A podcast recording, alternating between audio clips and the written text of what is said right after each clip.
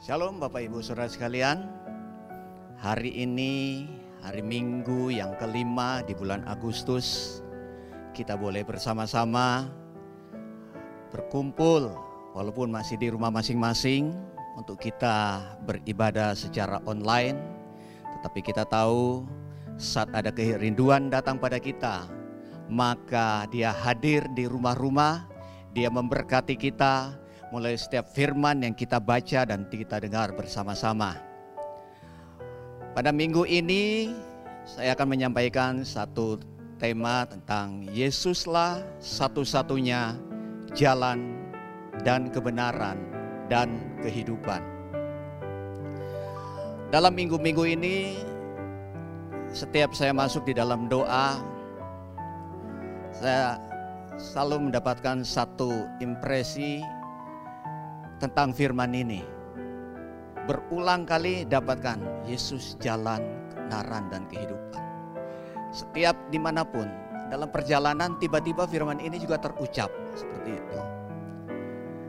Dan puji syukur kalau minggu ini saya oleh Gembala Rayon ditugaskan untuk dapat melayani firman Tuhan pada pagi hari ini.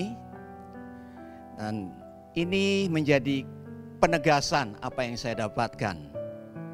Karena hari-hari ini kita boleh melihat lingkungan yang ada, keadaan yang ada di dalam masa pandemi COVID-19 ini. Banyak orang yang sepertinya mereka itu kehilangan. Sepertinya mereka kehilangan pegangan, ketakutan, khawatir, akan apa yang akan terjadi esok hari akibat dampak daripada pandemi COVID-19 ini. Dari ayat ini juga saya diingatkan hal itu. Karena dari ayat Yohanes 14 ayat 6 ini dikatakan, kata Yesus kepadanya, Akulah jalan dan kebenaran dan hidup. Tidak ada seorang pun yang datang kepada Bapa kalau tidak melalui aku. Sebagaimana yang dialami oleh murid-murid, ayat ini diawali dari diskusi murid-murid dengan Tuhan Yesus sendiri. Dan Yesus katakan pada saat itu bahwa dia akan mati gitu. Dia akan tinggalkan murid-muridnya. Ya. Mendengar hal yang seperti ini, murid-murid juga langsung merasakan kegalauan mereka, kekhawatiran mereka yang selama ini bersama-sama dengan Tuhan Yesus setiap hari. Di mana pun Yesus berada, mereka berada, mereka mengalami dan melihat tanda-tanda heran dan mujizat yang Tuhan Yesus kerjakan, yang mati dibangkitkan, yang lumpuh bisa berjalan, yang buta bisa melihat. Banyak hal-hal yang ajaib mereka rasakan bersama Yesus. Bahkan mereka boleh merasakan bagaimana kehidupan mereka. Di mana pun mereka berada banyak orang mengikuti mereka. Karena mereka orang-orang ini ingin mendengar tentang apa yang Yesus khotbahkan, apa yang akan Yesus sampaikan. Tetapi tiba-tiba hari itu mereka mendengar bahwa Yesus akan meninggalkan mereka. Kegawalawan mereka, kekhawatiran mereka paralel dengan apa yang sedang terjadi hari-hari ini daripada setiap kita semua. Ya. Murid-murid sudah meninggalkan kegiatan aktivitas mereka yang lama, ada yang penangkap ikan, mereka mau ikut Tuhan Yesus. Tetapi saat itu mereka mendengar hal yang mengagetkan. Sampai tiba-tiba salah satu muridnya yaitu Yohan eh, Thomas ya. Pada Yohanes 14 ayat 15 itu berkata seperti ini. Tuhan kami tidak tahu ke mana engkau pergi. Jadi bagaimana kami tahu jalan ke sana? Sebagai murid Tuhan yang bersama-sama dengan Tuhan, di dalam kegalauan itu, tiba-tiba dia berkata seperti itu mewakili teman-temannya. Kadang-kadang kita juga di dalam masa-masa kita mengalami tekanan, mengalami himpitan, kekhawatiran yang berkepanjangan. Kita tidak memperhatikan sekeliling kita. Seperti Thomas. Karena kalau kita baca di ayat-ayat sebelumnya, sebenarnya di ayat yang kedua dari pasal 14 Yohanes ini, Yohanes 14 ayat yang kedua tuh berkata begini. Di rumah Bapakku atau dari ayat yang pertama supaya lebih jelas. Tuhan katakan, jangan gelisah hatimu, percayalah kepada Allah. Percayalah juga kepadaku. Di rumah Bapakku banyak tempat tinggal. Jika tidak demikian, tentu aku mengatakannya kepadamu, sebab aku pergi ke situ untuk menyediakan tempat bagimu. Dan apabila aku telah pergi ke situ dan telah menyediakan tempat bagimu, aku akan datang kembali dan membawa kamu ke tempatku supaya di mana aku berada, kamu pun berada. Karena kegalauan, kekagetan, ketakutan, hal yang seperti ini tidak tertangkap oleh mereka. Hari-hari ini Tuhan ingatkan kita pun. Masa-masa sulit yang kita alami sedang terjadi hari-hari ini jangan membawa kita juga kehilangan fokus. Seperti yang terjadi pada murid-murid Tuhan. Padahal Tuhan sudah bilang dia tidak tinggalkan selamanya. Dia akan sediakan tempat. Setelah tempat itu sudah siap, dia akan datang kembali. Dan di mana aku berada, kamu pun berada. Sebenarnya tidak akan selamanya ditinggalkan. Dampak COVID-19 ini juga tidak akan selamanya seperti ini. Hari ini itu kita akan berdoa.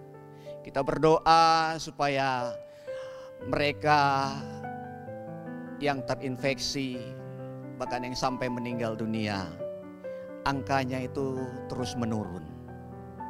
Dan kita berdoa untuk mereka yang disembuhkan itu angkanya terus meningkat. Kita terus minta itu. Kita terus berdoa bersama-sama.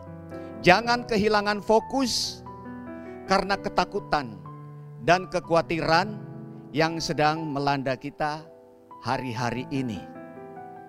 Oleh karena itu, firman ini sungguh memberkati bahwa Yesus katakan, "Akulah jalan dan kebenaran dan kehidupan." Ini menjadi kekuatan kita harusnya. Ini harus kita tanamkan dalam hidup kita. Bahwa jangan berkepanjangan kekhawatiran kita. Tuhan akan sediakan tempat bagi kita. Bahkan Rasul Petrus pernah berkata bahwa kita ini orang-orang Kristen. Ini sebagai perantau, sebagai orang asing, di mana kita tinggal, di mana kita berada itu bukan tempat permanen kita. Kota kita, bangsa kita yang kita cintai, pada waktunya nanti juga kita akan tinggalkan itu. Dan ada satu tempat yang abadi yaitu di rumah Bapa di surga. Dan Tuhan berkata, untuk sampai ke situ, Dia itu adalah jalan, Dia itu kebenaran, Dia itu kehidupan. Hari-hari ini Tuhan ingatkan juga untuk kita sama-sama minta kepada Tuhan kekuatan yang baru roh yang terus dibangkitkan. Pegang apa yang engkau dengar melalui firman Tuhan. Setiap minggu di dalam ibadah-ibadah, bahkan di dalam setiap doamu. Belajar percaya bahwa dia itulah Yesus Tuhan, jalan kebenaran dan kehidupan kita. Ada satu lagu yang memberkati kita, yang berkata demikian. Ku di tanganmu Ku di hatimu di pikiranmu, di rencanamu, tak pernah ku sendiri. Ku di tanganmu, ku di hatimu, di pikiranmu, di rencanamu, tak pernah ditinggalkan. Ini menjadi pujian kekuatan kita bahwa apa pun yang sedang terjadi, Tuhan Yesus ada bersama kita, ada dalam pikiran kita. Dia ada dan kita juga ada dalam rancangan Tuhan. Dan rancangan Tuhan itu tidak akan sia-sia. Tantangannya mendatangkan damai sejahtera. Rancangan penuh dengan sukacita ada bagi kita. Coba kita perhatikan dari Yohanes 14 ini ayat yang pertama. Janganlah gelisah hatimu, percayalah kepada Allah, percayalah juga kepadaku. Waktu kita percaya kepada Allah sama dengan kita percaya kepada Tuhan Yesus. Ayat yang ketujuh, sekiranya kamu mengenal aku, pasti kamu juga mengenal Bapakku. Saat kita mengenal Yesus, sama dengan kita juga mengenal Bapa kita. Ayat yang ke-9, yang bagian B, Barang siapa telah melihat aku, ia telah melihat Bapa, bagaimana engkau berkata, tunjukkanlah Bapa itu kepada kami. Artinya saat kita melihat Yesus, kita juga melihat Bapa. Dan yang ayat ke-11, percayalah kepadaku bahwa aku ada di dalam Bapa dan Bapa di dalam aku. Artinya Bapa ada di dalam Yesus dan Yesus ada di dalam Bapa. Dari ayat-ayat yang kita baca ini, kita melihat kesetaraan Yesus dengan Allah Bapa. Oleh karena itu, Yesus bisa berkata, "Akulah jalan, dan kebenaran dan kehidupan itu. Kalau kita lihat hal ini, kita di bawah Tuhan sebenarnya hanya satu hal. Bahwa hanya Yesus yang dapat membuka pintu surga. Karena dialah jalan itu sendiri. Dan kita bersyukur kita ada di wadah gereja ini, GBI Gatot Subroto yang DNA gerejanya yaitu restorasi Pondok Daud. Apa itu restorasi Pondok Daud? Prajurit-prajurit Tuhan yang gagah perkasa yang memiliki gaya hidup doa pujian penyembahan bersama-sama siang dan malam dalam unity yang melakukan kehendak Bapa pada zaman ini.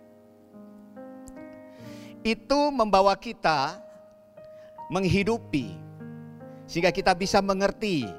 Karena dengan doa pujian penyembahan yang kita terus lakukan, dengan intim kita kepada Tuhan, keintiman kita semakin hari semakin melekat pada Dia melalui doa pujian penyembahan yang menjadi gaya hidup kita, artinya di mana pun kita berada, itu yang kita tampilkan dalam hidup kita. Maka kita akan semakin mengenal Dia, kita akan semakin mengenal Tuhan. Dan kalau kita sudah mengenal Dia, kita akan melakukan kehendaknya juga. Yaitu apa kehendaknya? Amanat agung digenapi. Dan kita dipersiapkan untuk menggenapi amanat agung itu. Kita dipersiapkan, diperlengkapi sebagai messenger Pentakosta ketiga. Untuk kita apa? Diberikan roh keberanian untuk mulai melangkah, menyampaikan, menggenapi amanah agung, itu. Yang kedua, setiap tahun kita dituntun oleh gereja ini menerima tuntunan pada akhir tahun oleh gembala pembina kita dan tahun ini adalah temanya tahun dimensi yang baru. Dimensi itu berbicara ukuran. Kalau filsafat kuno berkata itu dimensi adalah suatu sistem yang mengukur gerak bebas. Namanya ukuran berarti ada batasannya. Hari-hari ini bukankah itu yang sedang terjadi? Di mana kita berada ada pembatasan. Kita akan beribadah offline pun kita harus siapkan. Tidak bisa seenaknya, sepenuhnya. Kita mau naik bis, naik kendaraan umum, ada batasan. Ternyata tuntunan Tuhan jelas untuk gereja kita sehingga kita disiapkan. Nah kita kembali kita perhatikan daripada firman Tuhan yang kita baca bahwa Yesus adalah jalan kebenaran dan hidup. Ya, kita melihat yang pertama, Yesus adalah jalan. Yesus adalah jalan ini tidak menunjukkan atau bukan menunjukkan bahwa Yesus itu penunjuk jalan. Bahwa Yesus itu hanya meng, me, memberikan itu loh jalannya. Tetapi dia itu adalah jalan itu sendiri. Dia adalah jalan satu-satunya. Tidak ada pilihan jalan lain. Tetapi untuk sampai kepada Bapa dia katakan, akulah jalan. Saya ingat beberapa waktu yang lalu ketika akan mencari satu rumah di perumahan di Jakarta. Karena bingung, ma perumahannya di sebelah mana ini. Saya melihat ada mobil masuk, ah, kayaknya ini warga sini, coba ikutin. Diikutin, diikutin, tiba-tiba dia jalan masuk ke satu jalan yang kecil, hilang.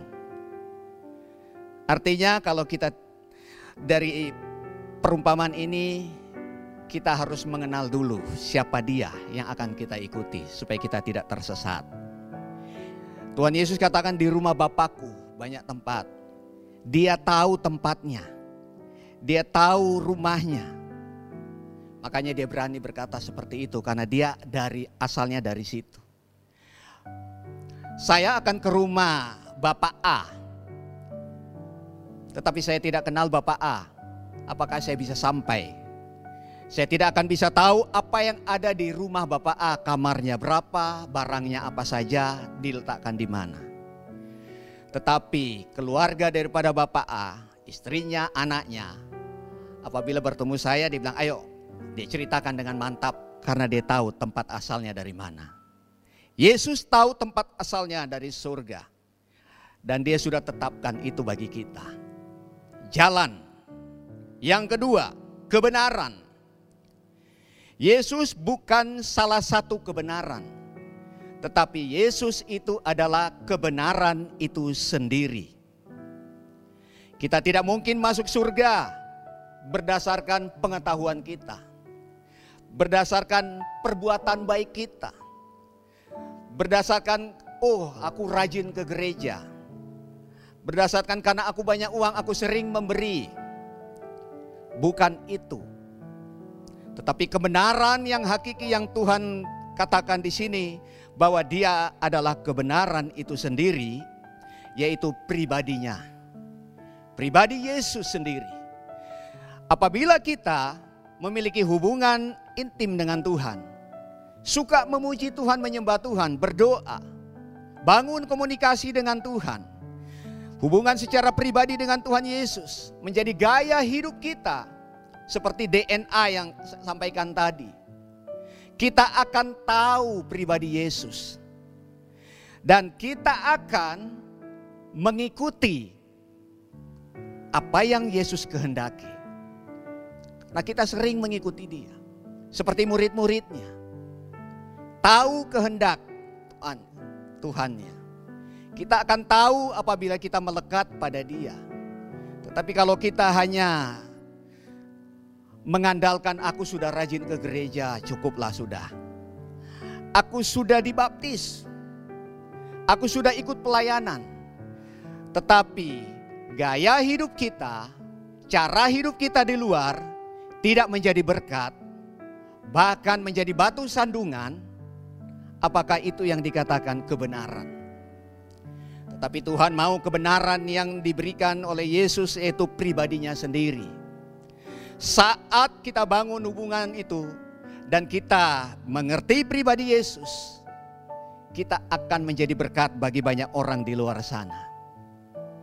Kita akan menjadi berkat bukan batu sandungan. Dan pada saat seperti itu kita menjadi saksi Tuhan. Pada saat itu juga kita sedang melakukan, menggenapi amanat agung Tuhan Yesus. Ini yang Tuhan mau untuk kita. Dia adalah jalan. Dia adalah kebenaran. Dan yang ketiga, dia adalah hidup. Ya, akulah jalan dan kebenaran dan hidup. Dia bukan salah satu cara untuk hidup, tetapi Yesus adalah sumber hidup itu sendiri. Yesus adalah sumber hidup itu sendiri. Yesus bukan pilihan untuk salah satu, atau bagaimana cara supaya kita hidup. Tetapi kalau kita berjumpa dengan hidup itu sendiri, kehidupan itu sendiri yang adalah Yesus Kristus Tuhan, maka kita akan mengerti dan akan semakin teguh di dalam iman kita. Dalam Yohanes 11 ayat yang ke-25 dikatakan seperti ini. Jawab Yesus, "Akulah kebangkitan dan hidup. Barang siapa percaya kepadaku, ia akan hidup walaupun ia sudah mati. Dan setiap orang yang hidup dan yang percaya kepadaku tidak akan mati selama-lamanya." Percayakah engkau akan hal ini? Amin. Bahwa waktu kita mati, nanti pada saatnya dikatakan kan disiapkan tempat dan dia akan jemput kita. Yang mati di dalam Tuhan akan dibangkitkan. Bahkan dengan kubu kemuliaan. Kita yang masih hidup akan mengalami pengangkatan itu. Akan berjumpa Artinya tidak berpisah untuk selama-lamanya. Dari sini kita belajar bahwa kita punya keyakinan bahwa dia adalah jalan, dialah ada kebenaran, dialah itu hidup. Dia sudah memberi kita contoh, dia sudah memberi kita teladan. Bagian kita untuk lebih mengerti dan bisa mengikuti apa yang Yesus katakan ini, mari kita hidupi DNA gereja kita. Kita hidupi menjadi gaya hidup kita. Namanya gaya hidup doa pujian penyembahan artinya tidak akan ada kesombongan di sana. Yang ada kerendahan hati. Tidak akan ada minta diutamakan. Yang ada untuk minta orang lain didahulukan. Tidak minta untuk dilayani, tetapi akan ikut melayani. Bapak, ibu, saudara yang ada di rumah-rumah, dari firman yang singkat ini, biarlah ini menjadi kekuatan kita. Sadari, jangan kita takut, jangan kita khawatir Jangan kita cemas dengan apa yang sedang terjadi hari-hari ini. Dia katakan, percayakah engkau padaku? Dia sudah berkata dia adalah jalan dan kebenaran dan kehidupan. Kita bisa juga gabungkan. Dia adalah jalan kebenaran, dia juga adalah jalan kehidupan, ataupun